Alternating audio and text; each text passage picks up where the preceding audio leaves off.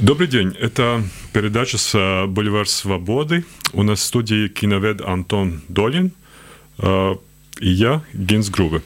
Антон, вы в следующий день после того, как началась война на Украине, в интервью «Медузы», по-моему, написали, что это самое ужасное и самое осветлившее событие вашей жизни. Я думаю, что да. Я думаю, что э, это событие, это самая значительная трагедия, э, произошедшая в Европе, не будем говорить про весь мир, с момента Второй мировой войны. Ничего столь же значительного, драматичного и э, потенциально опасного, потому что совсем не весь этот потенциал уже выработан, не происходило. И совершенно точно на памяти всех людей, а, живущих в России, и всех людей, живущих в Украине, это самое значительное событие их жизни.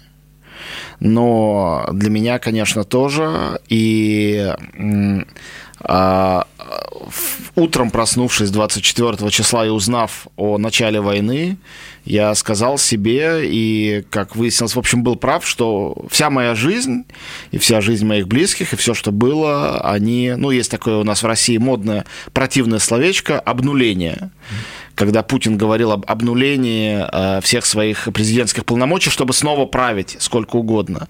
Вот сейчас произошло, происходит обнуление всего, что у нас было. А, все, что казалось важным, абсолютно перестало иметь значение а, в один день. И это не только дело в том, что а, частные какие-то амбиции, планы. Вот мы планировали в отпуск ехать с детьми, думали, куда лучше поехать, ведь ковид, не у всех есть документы, где можно получить визы не только частные маленькие планы рухнули, но а, вся стратегия жизненная, а, да, вот моя стратегия связана с тем, чтобы быть кинокритиком в авторитарном государстве, соблюдая определенную свободу высказывания за счет, во-первых, своей медийности, во-вторых, технической независимости от государства, а в-третьих, некоторой удаленности культуры от а, основных пропагандистских путей. А, эта стратегия теперь не работает, и сама по себе культура никому не нужна, не важна, не интересна. Рассказывать про нового Бэтмена, премьеру которого в России все равно отменили, на фоне войны невозможно. А вы посмотрели? Да, я посмотрел, но э, посмотрел до того, как э, все началось. Да. И подготовил целый выпуск для своего э, радио Долин. И этот выпуск пошел в корзину. Э, не потому, что э, даже... Э, в России выпускать выпуск о фильме, который не будет в кинотеатрах, это бессмысленно. Но, в принципе, это кажется кощунственным и нелепым э, и настолько несвоевременным, э, что об этом невозможно даже подумать. Вот. Ну, вообще, честно говоря, когда идет война, ни о чем невозможно думать. Мы очень много читали все про Вторую мировую войну. Это связано с опытами наших, э, у кого-то родителей, у кого-то бабушек, дедушек, или прабабушек, прадедушек. В моем случае это мои бабушки и дедушки. Мой дедушка прошел всю войну, воевал. И э, я думаю, каждый из нас задавался вопросом, что ты делаешь и чувствуешь, когда происходит событие, э, полностью обнуляющее твою жизнь. Мы это видели в голливудских фильмах-катастрофах. Там какой-нибудь после «Послезавтра» или «2012». Вот Роланд Эмерих любит снимать такие фильмы. А, последний такой пророческий фильм, который очень хорошо показывает нашу реальность, это «Не смотри наверх» нетфликсовский.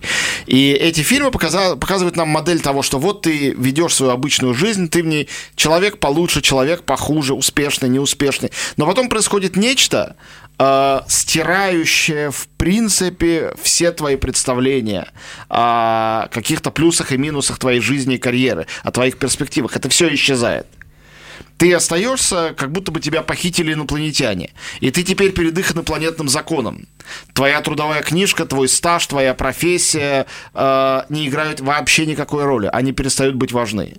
И сейчас, я думаю, очень многие переживают именно это ощущение. Причем я бы сказал так, переживают его вне зависимости от того, остались они в России или уехали, а, или, если это говорит э, мы о людях в Украине, находятся они в зоне боевых действий или вне этой зоны, вне зависимости от этого. Но я думаю, что почти в той же степени, что и для людей в России и э, в Украине. Это затрагивает все постсоветские пространства. И в чуть меньшей степени э, Западную Европу, которая имеет иногда приблизительное, более приблизительное, чем у нас, представление о том, как мы здесь живем. Вот они меньше знают об этом, и поэтому они, может быть, меньше представляют себе происходящее, хотя я думаю, что уровень трагичности происходящего они, конечно, понимают. Это касается точно всей Европы, а влияет не только на Европу, но и на весь мир. Ну, это у нас всех такое ощущение, что это все ну, сложилось в один день. Да. 24 февраля. Абсолютно. И я ну, хотя если, ну, есть такая поговорка, что после войны все умны, но если мы посмотрим, это ведь началось, ну, не знаю, 20 лет назад, когда, да. когда купили у грузинского НТВ и так далее, и так далее. Несомненно. И не, хотя никто даже не поверил. Я вчера посмотрел, ну, мой интервью, которое я в 2001 году делал с Немцовым, в Москве, и он сказал, что сравнивать Путина э, с Петром Первым, ну, это невозможно. Невозможно, конечно. Да. Ну, во-первых, да. Э, любые сравнения ошибочные. Когда мы начинаем сравнивать Путина с Гитлером, это тоже просто способ его обругать. Это не то же самое ни с какой стороны. И сравнение Путина с Ельцином всегда не точны. Если мы посмотрим на Россию 90-х и нулевых, это два разных государства. Путин это Путин, а он во многих вещах непредсказуем, но некоторые вещи действительно можно было предположить уже очень давно. Вторая чеченская война в российских СМИ не называлась чеченской войной. Хотя она была более кровопролитная, чем Первая Чеченская война, официально называвшаяся войной, и которая велась во времена Ельцина. Вторая война, которую вел, начал и закончил Владимир Путин, называлась, внимание, исключительно контртеррористическая операция. Это был 2000 год. Как вам такое? 22 года назад. Самое начало правления Путина. Путин очень популярный, причем не только в России, но во всем мире молодой политик. И уже происходит это. Тысячи пострадавших и погибших, бомбежки мирных городов. Ну, может быть, эти города не были мирными, но мирные жители точно погибали. А, абсолютно непрозрачная статистика. До сих пор статистика международных наблюдателей и официальная отличается очень сильно никаких э, возможностей проверить эту статистику. Абсолютно закрытая вся тема э, правозащитная с тем, что происходит в Чечне. И силовые методы, при помощи которых э, уничтожаются ну, сепаратисты да, чеченские сепаратисты. Вот. Это начало правления Путина. Это то, что создало ему очень высокий рейтинг, как молодому президенту и молодому политику. Война, резкое расхождение официальной картинки пропагандистской э, и каких-то частных сведений, и э, имидж решительного политика, э, который э, требует от всех не называть войну войной. Мы сейчас все это наблюдаем, и сейчас весь мир шарахается и ахает, как будто бы 22 года назад это уже не происходило. Но оно уже происходило. То, что э, все поражаются и говорят о том, как же вышло, что люди в России повторяют пропаганду, верят Путину. Но правление Путина началось с уничтожения самого популярного независимого телеканала НТВ. И вся история правления Путина может быть рассказана как история постепенного выдавливания и уничтожения независимых масс-медиа. НТВ было самым из них рейтинговым и популярным. А дальше это была постепенная работа. Последней точкой стало э, закрытие Фейсбука и закрытие э, Эхо Москвы в течение одного дня. А, поэтому с одной стороны, это было очень неожиданно, непредсказуемо, никто не ожидал настоящей кровопролитной войны. А, после а, присоединения или же аннексии Крыма а, всем казалось, что будет такая же аннексия ДНР, ЛНР, это максимум. А Путин гордился бескровностью крымской операции. С одной стороны, никто не ждал. С другой стороны, если подумать, это было совершенно логичным. Я смотрел ваш последний Э, радио Долина, вашу передачу, где вы призыв, э, ну, призываете многих э, людей, занимающихся кино, протестовать было ли трудно ну, спросить у этих людей, найти этих людей, которые были готовы выступить? Да, трудно, но некоторые согласились сразу, другие думали несколько часов согласились потом. Были те, кто согласились и потом отказались. Были те, кто сразу отказались, причем многие отказались под надуманными предлогами. У меня сейчас нету времени, я немного занят. А, а, к сожалению, как раз сейчас а, у меня плохая связь. Может быть, так и было, проверить это невозможно. Но я не осуждаю, не осуждал никого из отказавшихся, потому что цена этого слова, даже осторожно сказанного, может быть очень высокой. И за время этих двух недель войны эта цена очень сильно поднялась. Раньше э, ценой этого могло быть увольнение, а сейчас э, это может грозить 15 годами тюрьмы. Э, я смотрел, было в украинском э, телевидении интервью с Юлией Латыниной, с которой одна журналистка спросила, ну, 70% э, этих вопросов, я не знаю, насколько эти вопросы э, там объективны или не объективны, но э, это поддерживает курс, то, что делает Путин. И это довольно, ну, кажется, очень большой процент. И вопрос, ну, как это возможно. Хотя да, Латинина говорила, что э, в Чехословакии в 1968 году там в России курс э, только 7 человек, и все знали этих людей. Э, и она думает, что эти 30%, которые против э, то, что Путин делает на Украине, это очень большой процент. А, здесь есть несколько аспектов. Первый аспект. Мы не можем доверять никаким опросам, в том числе независимым, в тоталитарном государстве. Это как социология при Советском Союзе не существовала. Ее нету. Mm. А, и дело не в том, что обязательно врут. Просто если э, речь идет не о отдельной выборке, э, допустим, протестных интеллектуалов, а об обычном человеке. Вы приходите к обычному человеку, говорит, вам ничего не будет, ваше имя не будет упомянуто, но вы за войну или против? Mm. И все говорят, конечно, я поддерживаю Владимира Владимировича. Люди не хотят проблем, они не хотят неприятностей. Никто не верит в анонимность, поверьте. И в нашей стране анонимность – это миф. А, действительно, подслушивают, подсматривают, доносят. Это происходит. Поэтому, прежде всего, начинать надо с того, что верить никаким этим цифрам нельзя. А, люди иногда ссылаются, говоря о поддержке Путина, на цифры э, тех, кто за него проголосовал на выборах. Но мы доподлинно знаем, что эти выборы, во-первых, нечестные, потому что а, вся пропаганда направлена только на одного кандидата. Во-вторых, не допускают никаких независимых кандидатов вообще. А, в-третьих, все равно, несмотря на это, происходят фальсификации массовые. И в этих обстоятельствах большинство за Путина. Но это не настоящее большинство. Если бы большинство реально его поддерживало, зачем ему было бы фальсифицировать выборы? Какой смысл? Ты идешь на честные выборы, и тебя выбирает большинство, оно за тебя. Так были первые выборы Путина. Большинство было за него. Но сегодня это просто не так. И э, даже в обстоятельствах этих нечестных выборов, если мы проведем подсчет, исходя из тех, кто не ходит на участки, а значит индифферентен к политике, и посчитаем тех, кто ходит, мы увидим, что у нас нету точной цифры тех, кто против Путина, потому что огромное количество людей против него, зная, что эти выборы постановочные, на них не ходят. Огромное количество. Миллионы людей игнорируют выборы по этой причине. Это бесполезно. И когда на выборах предлагается Путин и несколько помощников Путина, и нету никакой реальной альтернативы, тем более нету смысла ходить. Но если мы берем тех, кто идет голосовать конкретно за него, и сравниваем их со всеми остальными, то это не большинство жителей страны, это меньшинство жителей страны.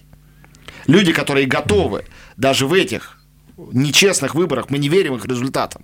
И мы подсчитываем, мы понимаем, что это примерно 30%, например, жителей России его поддерживают, а не 70, как кажется. Понимаете, о чем я сейчас говорю? Ну, это означает, что большинство людей молчит. Да, это, конечно, так. И что это молчание вообще означает? И как это, ну, это может длиться как, ну, а, не знаю. Оно ну... может означать страх, оно может означать безразличие. Вот, например, как вы думаете, социологи, которые проводили опрос о поддержке войны, они задавали людям вопрос, поддерживают ли они войну или поддерживают ли они специальную операцию? Я готов э, побиться об заклад, Ну, что наверное, они... как э, Шарль де Голь, по-моему, делал в свое время тоже такие опросы, когда да. он любите ли меня или нет. Ну, конечно. Если ты спрашиваешь про секретную операцию, значит, отвечающий уже соглашается с тем, что это не война. Спросите того же человека, которого вы спросили про спецоперацию, путиниста, настоящего путиниста, который прям вот за Путина 100%. Задайте ему вопрос иначе. Поддерживаете ли вы войну с Украиной? Или поддерживаете ли вы вооруженное вторжение в Украину? Процент сразу упадет, поверьте мне. Потому что это уже звучит опасно, это уже звучит агрессивно, это уже звучит иначе, чем спецоперация. Спецоперация это как хирургическое вмешательство, что-то не опасное. Какие-то специальные люди делают какие-то специальные действия. В это не входят а, жертвы среди мирного населения, да, это какая-то такая операция. Вы думаете, то те, которые, это большинство, которые молчат, они действительно знают, что происходит на Украине, они видели все эти Это хороший вопрос, ужасные, у, меня нет ответа. У меня нет ответа. репортажи, которые... Я уверен, что многие не знают и не подозревают, но догадываются, потому что в России у людей очень большой опыт недоверия власти. Никто не верит. Телевизор слушают, смотрят, иногда впитывают, но априори никто ни во что не верит. А, русский человек конспиролог. Ему, если придешь и объяснишь, что на самом деле Путиным управляют американцы или инопланетяне, он, скорее всего, поверит. Понимаете? Поэтому, когда русских рисуют искренними имперцами, которые все желают подчинить э, э, Украину, я думаю, это очень большое преувеличение. Конечно, процент таких людей существует. Но я даже не уверен, что процент этих искренних имперцев, таких вот э, агрессивных, что он выше, чем процент оппозиции. Возможно, он даже ниже. Просто на их стороне власть. Власть делает все возможное для того, чтобы у них тоже была какая-то власть, возможность высказываться, возможность э, быть видимыми. А оппозицию выдавливают и делают все возможное, чтобы она была невидимой. При этом большинство, я уверен, индифферентно, безразлично. В России почти никогда не было настоящих выборов. Люди не верят в свою возможность изменить что-то на выборах. Они не верят, что к ним в любом случае прислушаются. Поэтому они занимают позицию наименьшего ущерба для себя. Я не лезу в политику, политика не лезет в мою жизнь.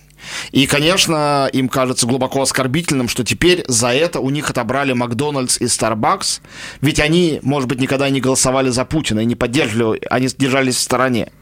Но в данном случае в тоталитарном государстве, к сожалению, такого рода молчание воспринимается как знак согласия и э, такой немой поддержки которая на самом деле не является, я думаю, в, в случае очень многих людей поддержкой. Но откуда это, ну, жестокость. Я, я знаю, что вам уже спросили этот вопрос, но это действительно непонятно, э, смотря эти репортажи, когда э, гибнут дети и э, мирные жители. Для меня в этом нет ничего совершенно непонятного, потому что мы наблюдали радикализацию сил, а их очень много, это целые тоже армии, которые подавляют протесты в России.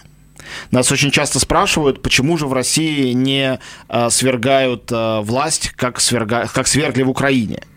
Э, но не только, э, не только Путин и Янукович это совсем не одно и то же. Янукович это мизинец на ноге Путина. Не только Украина отличается от России не тем, что в России живут рабы, а в Украине живут смелые люди, а тем, что в Украине есть независимая пресса, независимый парламент, независимые оппозиционные политики, и они оппозиционеров на улице поддержат. А в России у протестующих ничего этого нет. Так вот, есть еще одно очень важное отличие – в Украине, когда начался Майдан, армия и э, полиция очень быстро перешли на сторону народа, во всяком случае, какая-то их часть. В России это невозможно. А, в России силовики – это огромная армия, существующая на огромные деньги. А, колоссальные государственные бюджеты вливаются на это. Этим людям промывают мозги. Они все уверены в том, что протестующие куплены Америкой или другим каким-то Западом. Они абсолютно беспощадны. И, например, Росгвардия – это отдельная армия внутри армии, созданная как опричнено Иваном Грозным, для подавления несогласных, специально для этого. Назовите мне страны, которые вы знаете, где есть кроме милиции, которая ловит преступников, кроме армии, которая воюет с внешним врагом, отдельная армия людей, солдат, понимаете, вооруженных, которые созданы специально для подавления гражданских протестов. Что вот выходит, не знаю, пять тысяч протестующих ну, на улице. ОМОН или, или Да, ну ОМОН это спецслужба э, для любых спецопераций, а Росгвардия это дополнительный ОМОН, так скажем, поддерживающий. Выходит пять тысяч протестующих, а против них, например, 10 тысяч этих самых солдат. Выходит 20 тысяч протестующих, а против них 25 тысяч. И эти люди с шлемами в дубинках, с автоматами, э, шлемы непроницаемые, ты не видишь их лиц, нету нашивок, нету ничего. Они абсолютно освобождены от любой ответственности. Они могут избить, они могут убить. Ты никогда не узнаешь их имен, не услышишь их голосов и не увидишь их лиц. И их жестокость, она поражает. И ее превосходила только жестокость в знаменитом изоляторе Окрестина э, в Минске при подавлении белорусских протестов. Так вот, сегодня мы в России видим то же самое. Одна девушка записала запись допроса, где ее фактически пытают, угрожают изнасилованием, избивают. Такая жестокость по отношению, внимание, к гражданским людям – живущим в том же городе, без оружия, без ничего, молодые ребята выходят на улицу и их избивают в кровь, ломают ногу, а потом приговаривают, сажают обратно, э, сажают в тюрьму. Мы привыкли к этой э, крайней жестокости, абсолютной беспощадности по отношению к э, любым оппозиционным взглядам и э, протестам. Это системная жестокость. В нее входят э, милиция, ОМОН, ФСБ, Росгвардия, и суды, и журналистика, которая все это поддерживает и пишет только официальную версию. То есть мы окружены, мы люди не согласны с политикой президента со всех сторон. И сейчас мы видим ту же крайнюю жестокость, которую проявляет армия на Украине. Удивлен ли я этим? Ничуть. Меня совершенно это не удивляет. Это абсолютно логично вписывается в эту систему в систему абсолютной беспощадности к врагу со стороны э, как бы специальных сил, которые очень хорошо в, оснащены и которые, которые абсолютно промыты мозги. Будет ли влиять, по-вашему, как э, э, западные санкции на то, как, э, ну, я не знаю, на органы чувств э, русских людей, на, на их а, храбрость, на они потенциал несомн... А, они, несомненно, будут влиять, э, но влияние будет совсем не таким, как Запад рассчитывает. И каким он будет? Ну, во-первых, люди получат подтверждение того, что Путин им 20 лет объясняет, что Запад их ненавидит и ненавидит Россию, хочет уничтожить. Угу. Ага, Запад хочет нас уничтожить, лишить нас еды, лишить нас одежды, лишить нас зарплат, во всем виноват Запад. Не забывайте, что вся пропаганда будет говорить именно это. Когда люди жили нормально, а потом они приходят в магазин, и там все дорого и ничего нету, они будут задавать вопросы, что же случилось, и им дадут ответ. Это Америка, которая сейчас ведет против нас войну, или Европа. Mm. Поэтому это будет результат. Ну, вы, вы и я, наверное, поколение, которое ну, не верило, ведь э, даже в то время, когда это пропаганда... Ну, сейчас многие не будут верить, а многие, Запад многие будут считать так. Но сейчас я слышу огромное количество голосов людей оппозиционных взглядов, которые говорят, за что нас? Мы всегда были против Путина. Мы collateral damage, да, и по факту так оно и получается. Есть те, кто все 20 лет Путина были против него, но сейчас они точно так же не смогут пойти в Макдональдс э, или купить себе подписку на Apple э, или, э, ну, дальше продолжить этот ряд сами. Вот. И можно сказать, вы, русские люди, сами виноваты, что э, создали и воспитали Путина, и он тут благодаря вам. Но можно и сказать, что Путин захватил эту власть и захватывал ее все больше и больше на протяжении 22 лет, и что ему позволяли это делать не только граждане России, но и мировая общественность, но и мировые лидеры, которые э, терпели все, что он делает, э, и его агрессивные заявления, и какие-то его действия. Были действия в Грузии, э, э, был Крым, и те тем не менее, несмотря на какие-то мягкие санкции, э, Путин и его власти оставались э, приемлемыми для мирового сообщества. Это так. Вот, э, на это можно сказать, что а что мы могли сделать? Ввести в Россию войска? Но на это я могу ответить от лица протестующих людей в России. А что могли сделать мы? Я ходил на все протесты, например, я, э, легализованные и нелегализованные, начиная с 2011 года.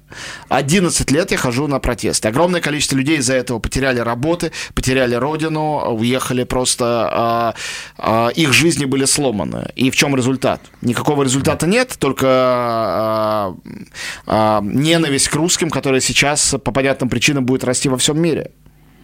Когда ты входишь в ресторан и тебя отказывается обслуживать официантка, потому что ты говоришь по-русски, ты не будешь ей объяснять, что ты-то был против Путина. Кроме того, ведь и тот, кто был за Путина, тоже может это сказать. На лбу у тебя не написано, ты за или против, правильно? Э, ну, можно догадываться иногда. Не всегда. Вот тут, вы знаете, вы не правы. Это кажется, сейчас каждый от него отречется по понятным причинам, кто хочет вписаться в западный мир. И э, даже самые близкие люди скажут, а мы просто не знали. И некоторые действительно не знали, это тоже возможно. Но вы э, в последние, ну, э, во время последних недель несколько раз повторяли, что то, что в России это не авторитарный режим, это уже тоталитарный так режим. Так и есть, конечно. А, кроме признаков, кроме того, что армия ну, влияет на, на всякие протесты, арест, арестовали, по-моему, около 5000 людей да, да. в первом викенде, когда начались протесты есть еще какие-то признаки ну, того, что мы можем называть ну, тем тоталитарным режимом, который ну, у Советского Союза мы знали во время Сталина. Ну, во-первых, это другой режим. Еще раз. Мне кажется, аналогии со Сталиным или с Гитлером всегда не точны. Мы живем в другом мире, он выглядит иначе. А, у людей, а, например, а, без всякой мотивации читают их переписки в телефонах. Нарушена неприкосновенность личной жизни человек выезжает за границу, к нему приходит сотрудник, видимо, ФСБ, но они не представляются. Они начали даже мессенджеры читать на да, улицах. Да, они же... читают мессенджеры. Это как вам? А, мне кажется, это нарушение неприкосновенности частной жизни совершенно вопиющее. А то, что э, возник закон, э, ну, на самом деле началось все это переход к тоталитаризму с вводом закона про иностранных агентов абсолютно э, так сформулированного, что почти каждого человека можно назвать иностранным агентом. Mm. И никакого механизма отзыва не существует. Прямые нападки на антитоталитарные институты, самые из них яркие это мемориал, который да. закрыли. Это тоже подтверждение, несомненно, тоталитарности нынешней России. Ну, Хотя и наве... мемориал именно казался этих сталинских э, Конечно, конечно, именно, именно. И преследование Юрия Дмитриева многолетнее... А это какое-то неудобное прошлое. Конечно. С которым... Э, В принципе, Путину ничего не стоило, как он одно время и делал. А осудить Сталина, сказать, я не такой, а, это, это простая история. Он это делал, но в последнее время он уже этого не делает. Вот. Ну, потом, конечно, милитаризация общества, это свойство тоталитарного государства, она растет. И последние законы, когда в течение од... суток принимается закон о том, что за антивоенное выступление, а, надо сказать, даже в советское время, антивоенная риторика была не то что разрешенной, а поощряемой государством. Возможно, она была лицемерной велась война в Афганистане, и при этом все дети в школах знали «миру мир, нет войне». Может быть, это было лицемерие, но во всяком случае это лицемерие было в духе э, классического гуманизма. Но сегодня за слова «нет войне» по сегодняшним законам ты можешь сесть в тюрьму на 15 лет. Конечно, это абсолютно тоталитарная практика, когда э, не просто у тебя есть нету возможности даже в режиме э, одиночного пикета или высказывания в соцсети сказать, что ты думаешь, а когда ты за это будешь наказан вот таким вот вот жесточайшим образом. Я, мне, я тоже получил э, письмо из одного киноведа две недели, ну, сразу, когда началось, э, там было только эти два слова «нет войны», я даже посмеялся вначале, ну, какая храбрость. Но теперь это ясно. Да, именно, это стало храбростью. Да.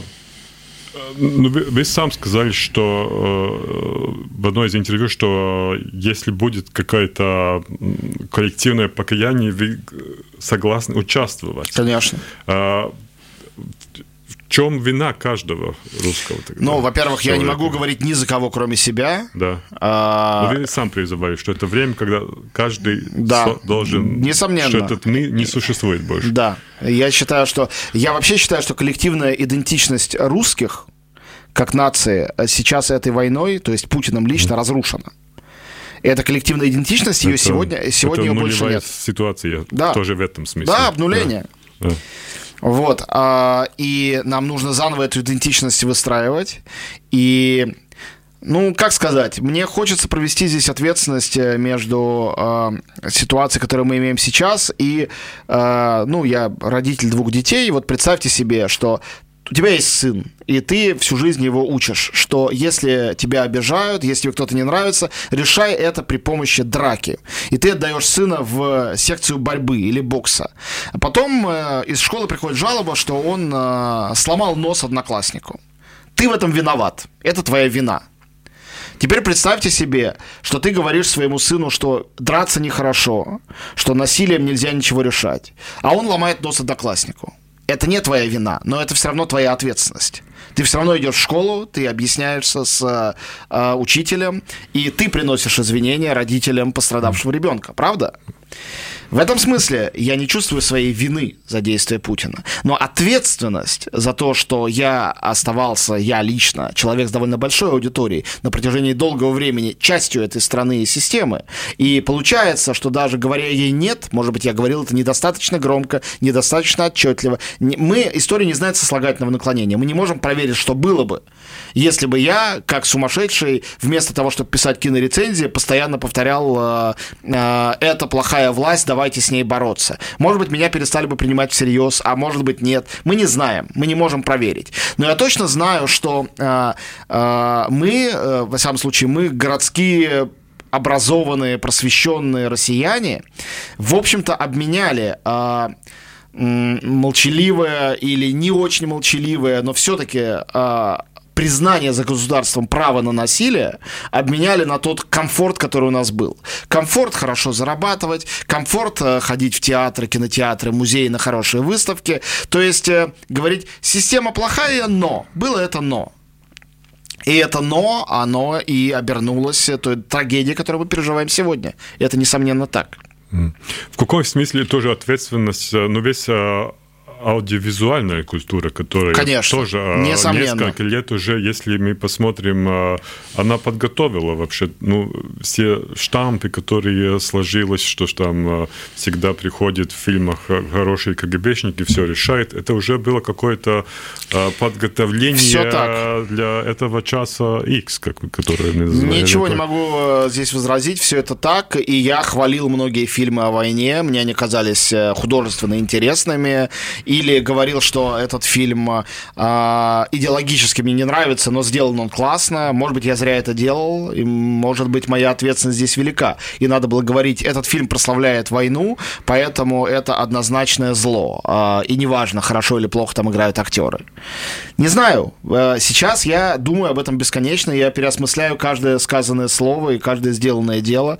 Не было ли это моей маленькой песчинкой в дело войны и возможные трагедии? Конечно, я этого не предполагал, но вы знаете, я думаю, что и все немцы, которые поддерживали Гитлера, так или иначе не предполагали, что каких-то живых людей будут сжигать в печках э, или в газовые камеры отправлять. Большая часть населения об этом и знать не знала и не очень этим интересовалась. Вот, поэтому я и говорю об этой коллективной ответственности. Она не лежит только на нескольких человеках. Это вот несколько человек из общества «Мемориал» и другие вот такие вот э, э, люди, которые боролись с тоталитарной идеи, вот прямо не останавливаясь, не покладая рук постоянно. Правозащитники. Но их очень мало. Понимаете, если мы будем говорить о тех людях, у которых была какая-то аудитория, которые делали это последовательно, это несколько журналистов в нескольких изданиях, это несколько правозащитников, это 100-200 человек на всю страну. Те, кто абсолютно безупречен, кому нельзя предъявить вообще никаких претензий по этой части.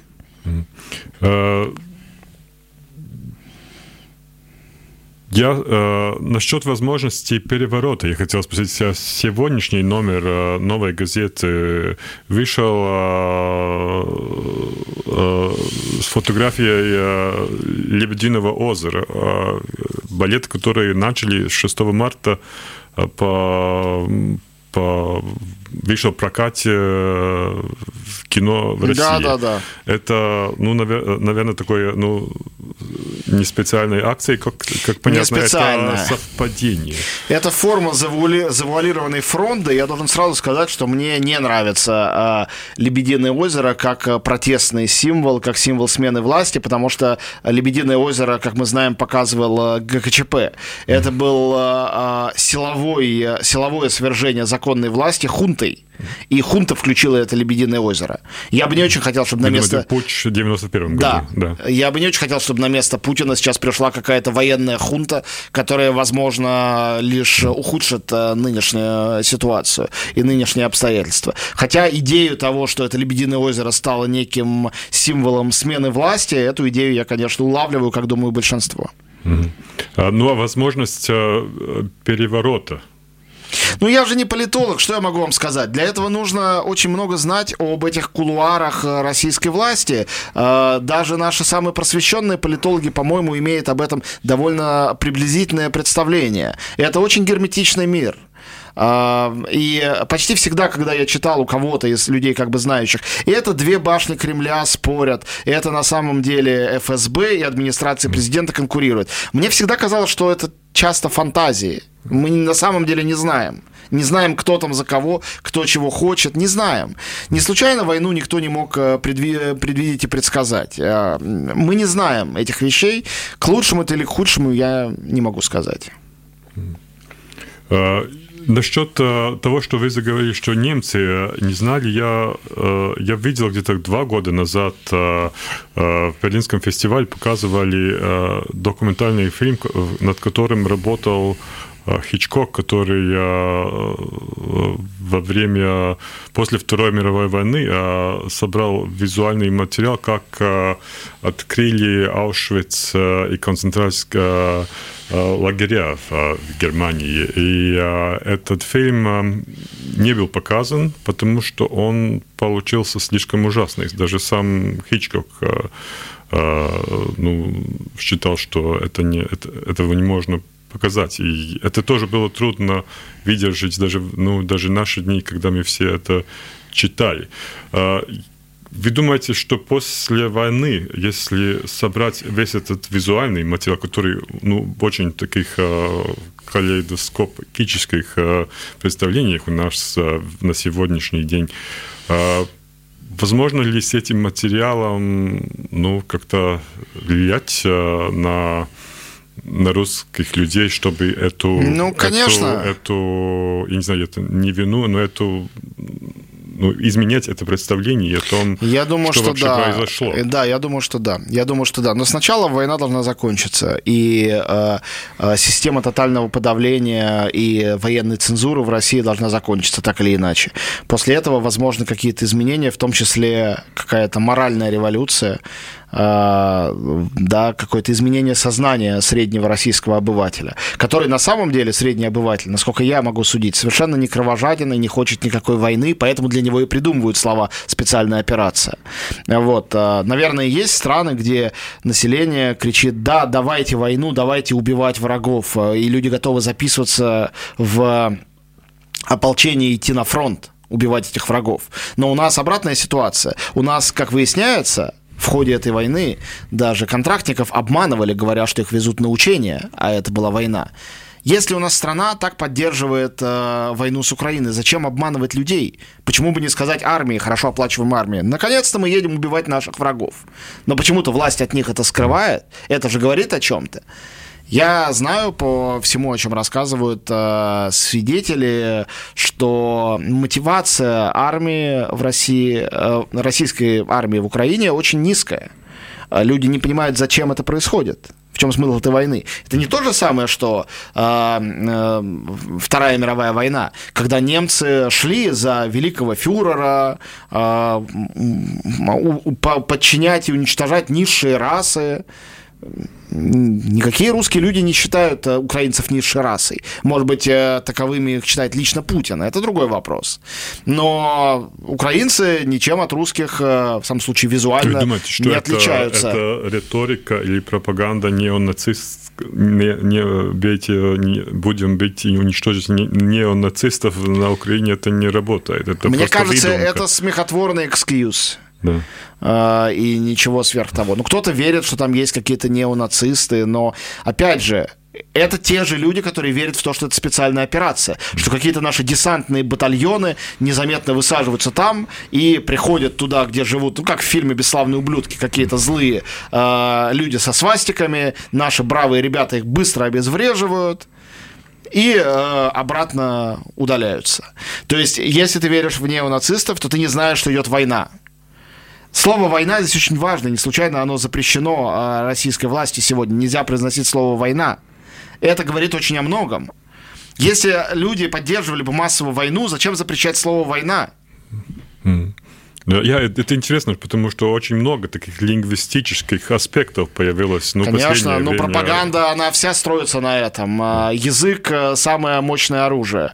Когда мне сейчас всякие недовольные люди э, все время пишут в разных соцсетях, э, вот ты воевать ты, небось, не пошел бы, только говорить можешь. Говорю, да, но говорение сегодня ничуть не менее важно, чем владение оружием, потому mm. что говорение или слово написанное играет очень важную роль во всем происходящем. Но так было и во времена времена Гитлера, конечно. А пропаганда или, наоборот, разрушение пропаганды, ее разоблачение э, чрезвычайно важны э, в любой тоталитарной системе. Ну, что интересно, что тоже исчезли, вы говорили об этом уже в одной из интервью, что исчез, э, ну, больше не существует все те построения, на которых, ну, сложилась, ну, какая-то русская идентичность. Там, Ее а Русская идентичность э, очень, э, во-первых, главная скрепа, так называемая, Путин да. любит слово скрепа, главная скрепа э, русской нации – это Великая Отечественная война.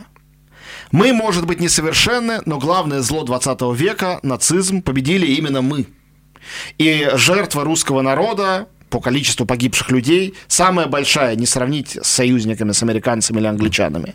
Мы освободили Освенцим, это сделали мы. Ну и дальше много есть нюансов, но это сделали мы.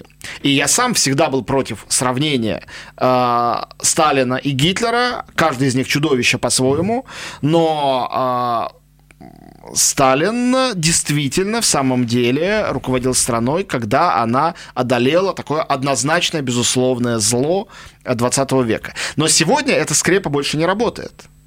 А, русские как нация, которая воюет только обороняя свою землю, никогда не нападает. Это легенда, это не совсем так, если посмотреть на историю. Но именно с этой легендой, если вы остановите случайного школьника или пенсионера в России, он вам скажет, Россия никогда ни на кого не нападала. Россия не завоевала ни одной страны, она только оборонялась.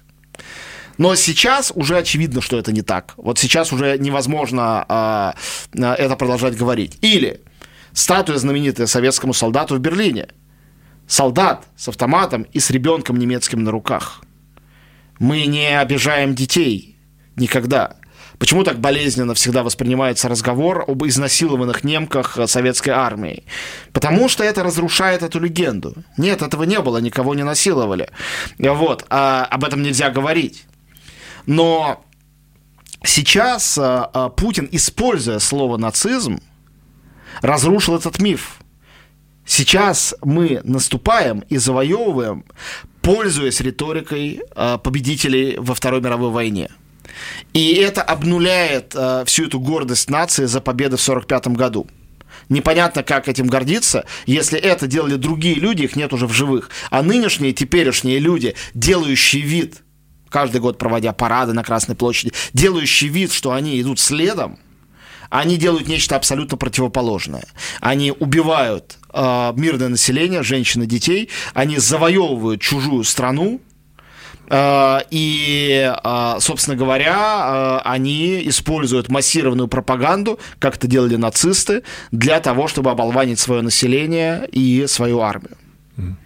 А как вы думаете, что ну, в наши дни э, ну, многие говорят, что вообще невозможно посмотреть кино, невозможно чего-то читать, э, и как-то ну, потому что мы все время смотрим эти новости, и это как-то ну, влияет на наши органы чувств, что невоз... там нет места.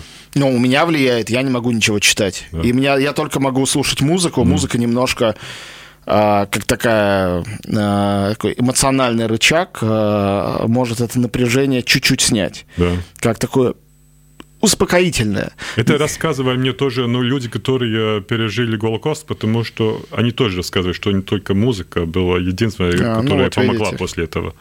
А, я, я думал, что ну, там есть такое ну, э, высказание Габермаса, э, немецкого философа, что после Голокоста невозможно поэзия. А да, а что это... будет после всего после этого. Искусство думаю, совершенно... Как, каким, ну, иногда... Все изменится, все изменится. Но я же не могу сказать, как. Mm. У меня нету этих э, профетических данных, я не способен предсказать. Но все обязано будет измениться. Мы должны будем все переосмыслить. Вот. Э, но мы, русские, совершенно точно. А нам предстоит, как нации, грандиозное переосмысление себя – может быть, оно будет каким-то очищающим, я не знаю. Я не знаю, в каких обстоятельствах оно произойдет. Через что а, страна и народ должны будут пройти, прежде чем это переосмысление произойдет. Это неизвестно. Вот. Но а, это неизбежно. Но я думаю, что очень много изменится. Я вижу, как а, сопереживают этому конфликту и как в нем участвуют немцы. Вы знаете, я думаю, для них происходит великий момент – они перестают быть последней э, нацией Европы, которая причиняла страдания остальным ну, нациям Европы. Уже говорил, Это да. так. Это так. Э, они передают эту ношу, теперь она на наших плечах. До следующего такого конфликта, который, надеюсь, никогда не случится, Тогда получается, что вечно эту ношу будут нести русские. Они еще этого не поняли, не осознали. Они еще обиженно говорят, э, ну это не мы, там мы не выбирали Путина и прочее. Это все так. Но э, люди, для которых русская речь будет ассоциироваться с агрессией, с убийством мирных людей и так далее, они не будут разбираться.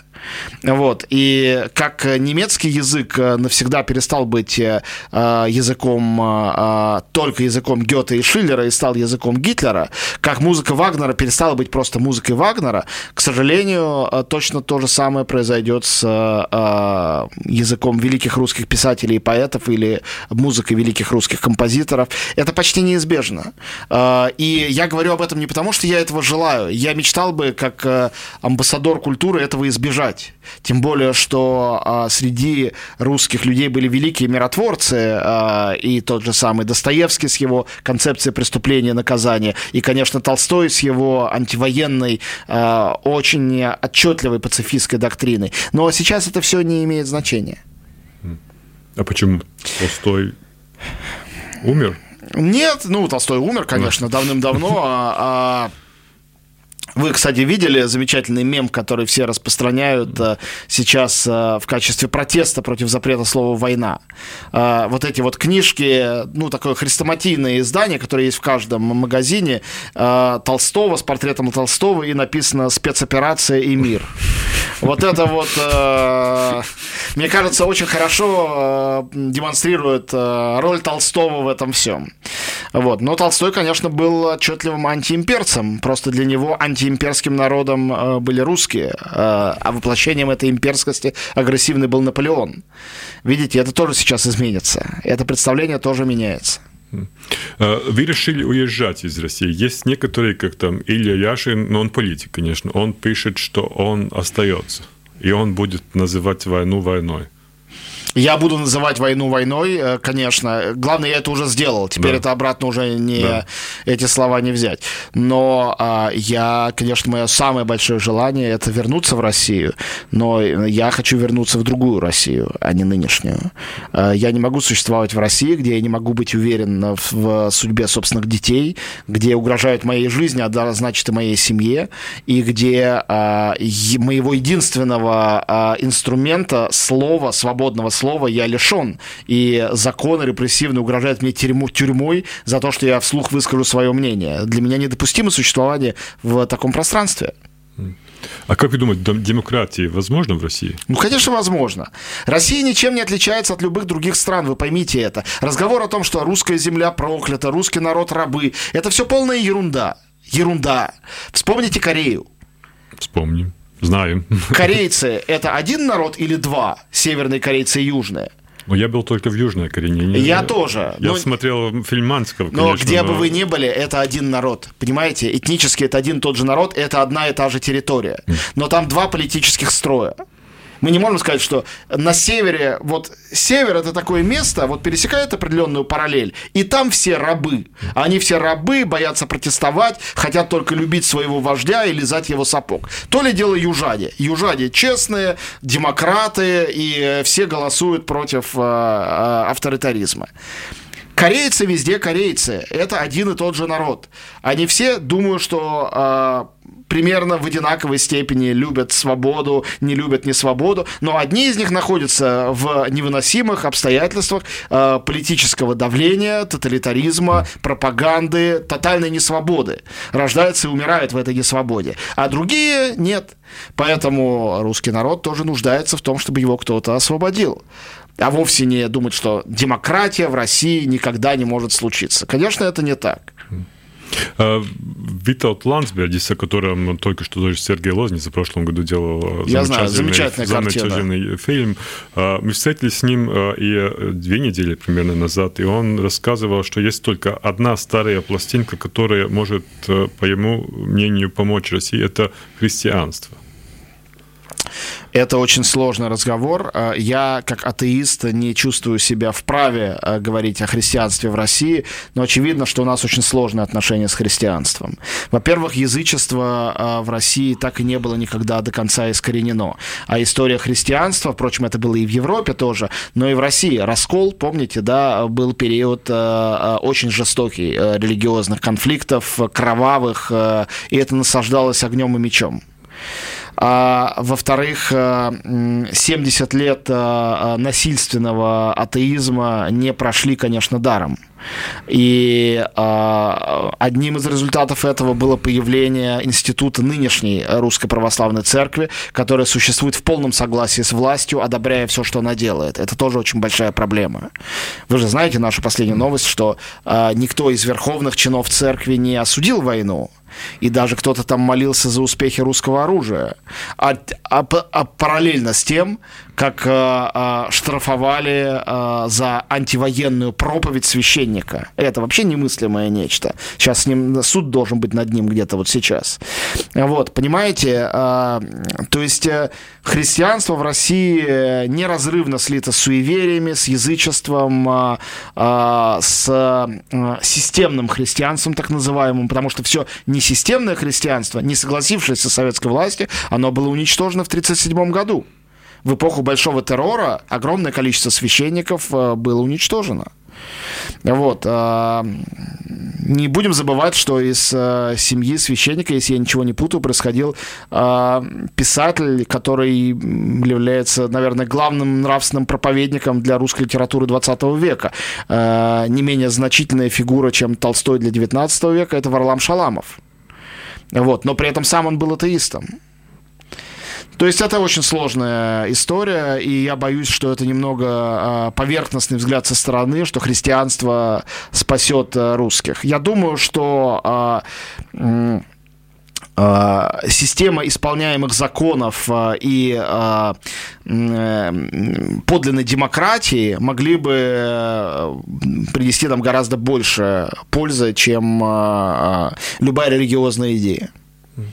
Но это возможно, ну, в Германии после Второй мировой войны э, это была какая-то импортная политическая культура, которая создалась. Э, ну, ну, ну здесь создалась. Опять, опять же, да, я, не, я просто не в состоянии э, давать какие-то политологические прогнозы, особенно сейчас это глупо делать, когда война еще идет, и мы не понимаем, чем, в какой момент она закончится, победа, поражение, чье, какой ценой, мы не понимаем этого ничего.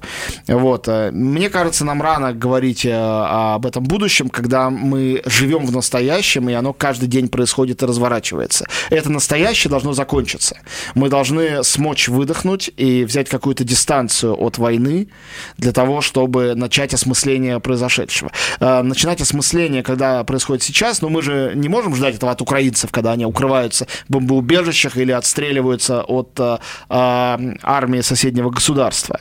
На самом деле мы не отстреливаемся, мы с вами сидим не в бомбоубежище, а в э, комфортной студии, хоть и немножко подвальной. А, и мы все равно в таком же положении людей, которые внутри этого процесса и не могут а, взлететь над ним, чтобы увидеть его со стороны, и тем более увидеть его будущее. А, ну, это может быть не метафизический, но более вам вопрос как киноведу. В прошлой неделе э, Нью-Йоркер писал, что Зеленский руководит войну голосом. И если мы вспоминаем, откуда вообще создался Владимир Зеленский, его сериал «Слуга народа».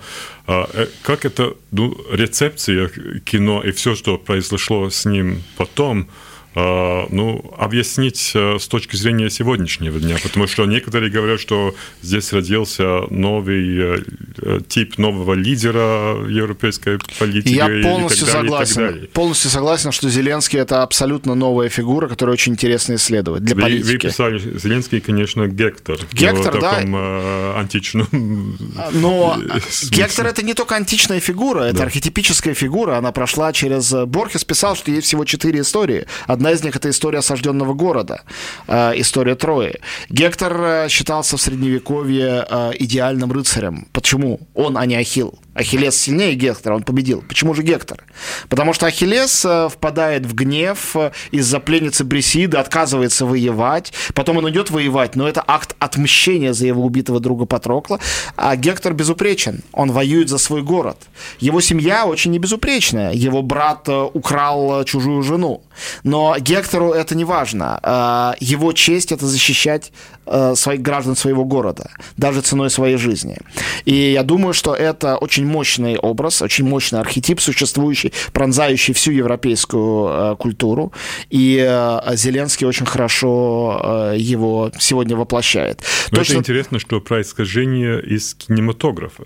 Да, конечно, он пришел из кино, но э, связь кинематографа и каких-то современных э, а, политиков и технологий. Вы знаете, когда очень много сравнивали э, Путина с Данилой Багровым, э, героем фильма «Брат», Балабанова, который, конечно, такой ресентиментный герой, который в фильме «Брат 2» едет в Америку, и там есть антиукраинский эпизод, кстати говоря, тоже.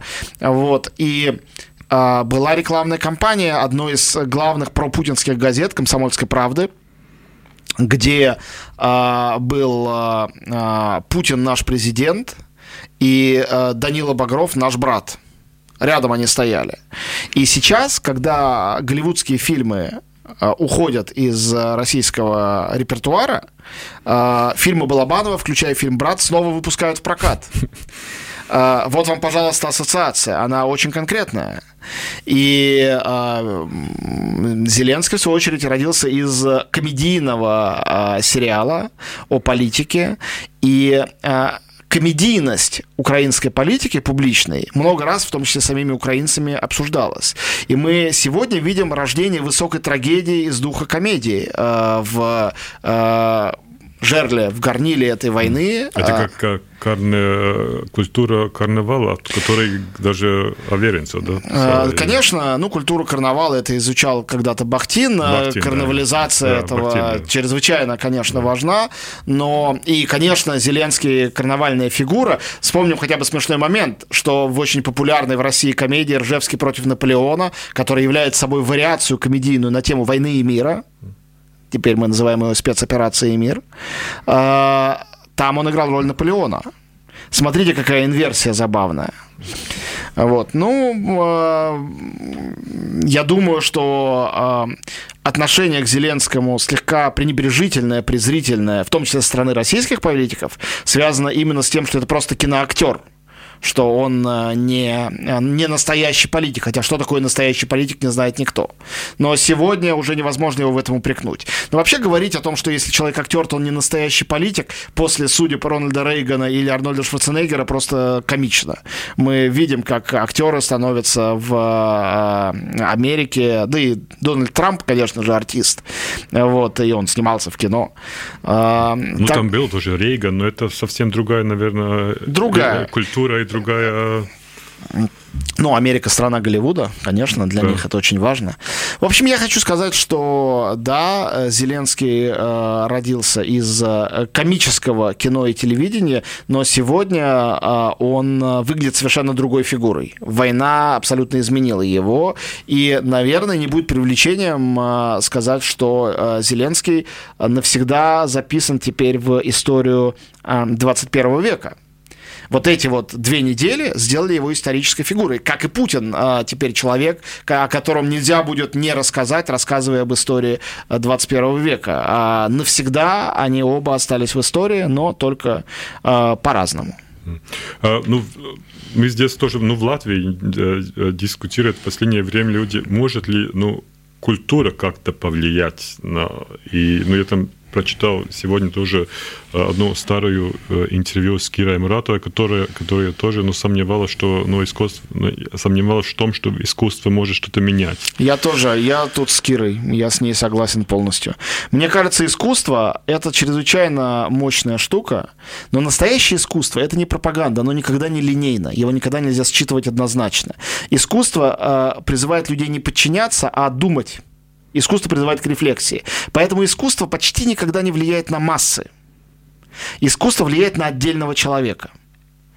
А отдельный человек, как это сделал Путин или как это делает Зеленский, может изменить ход истории.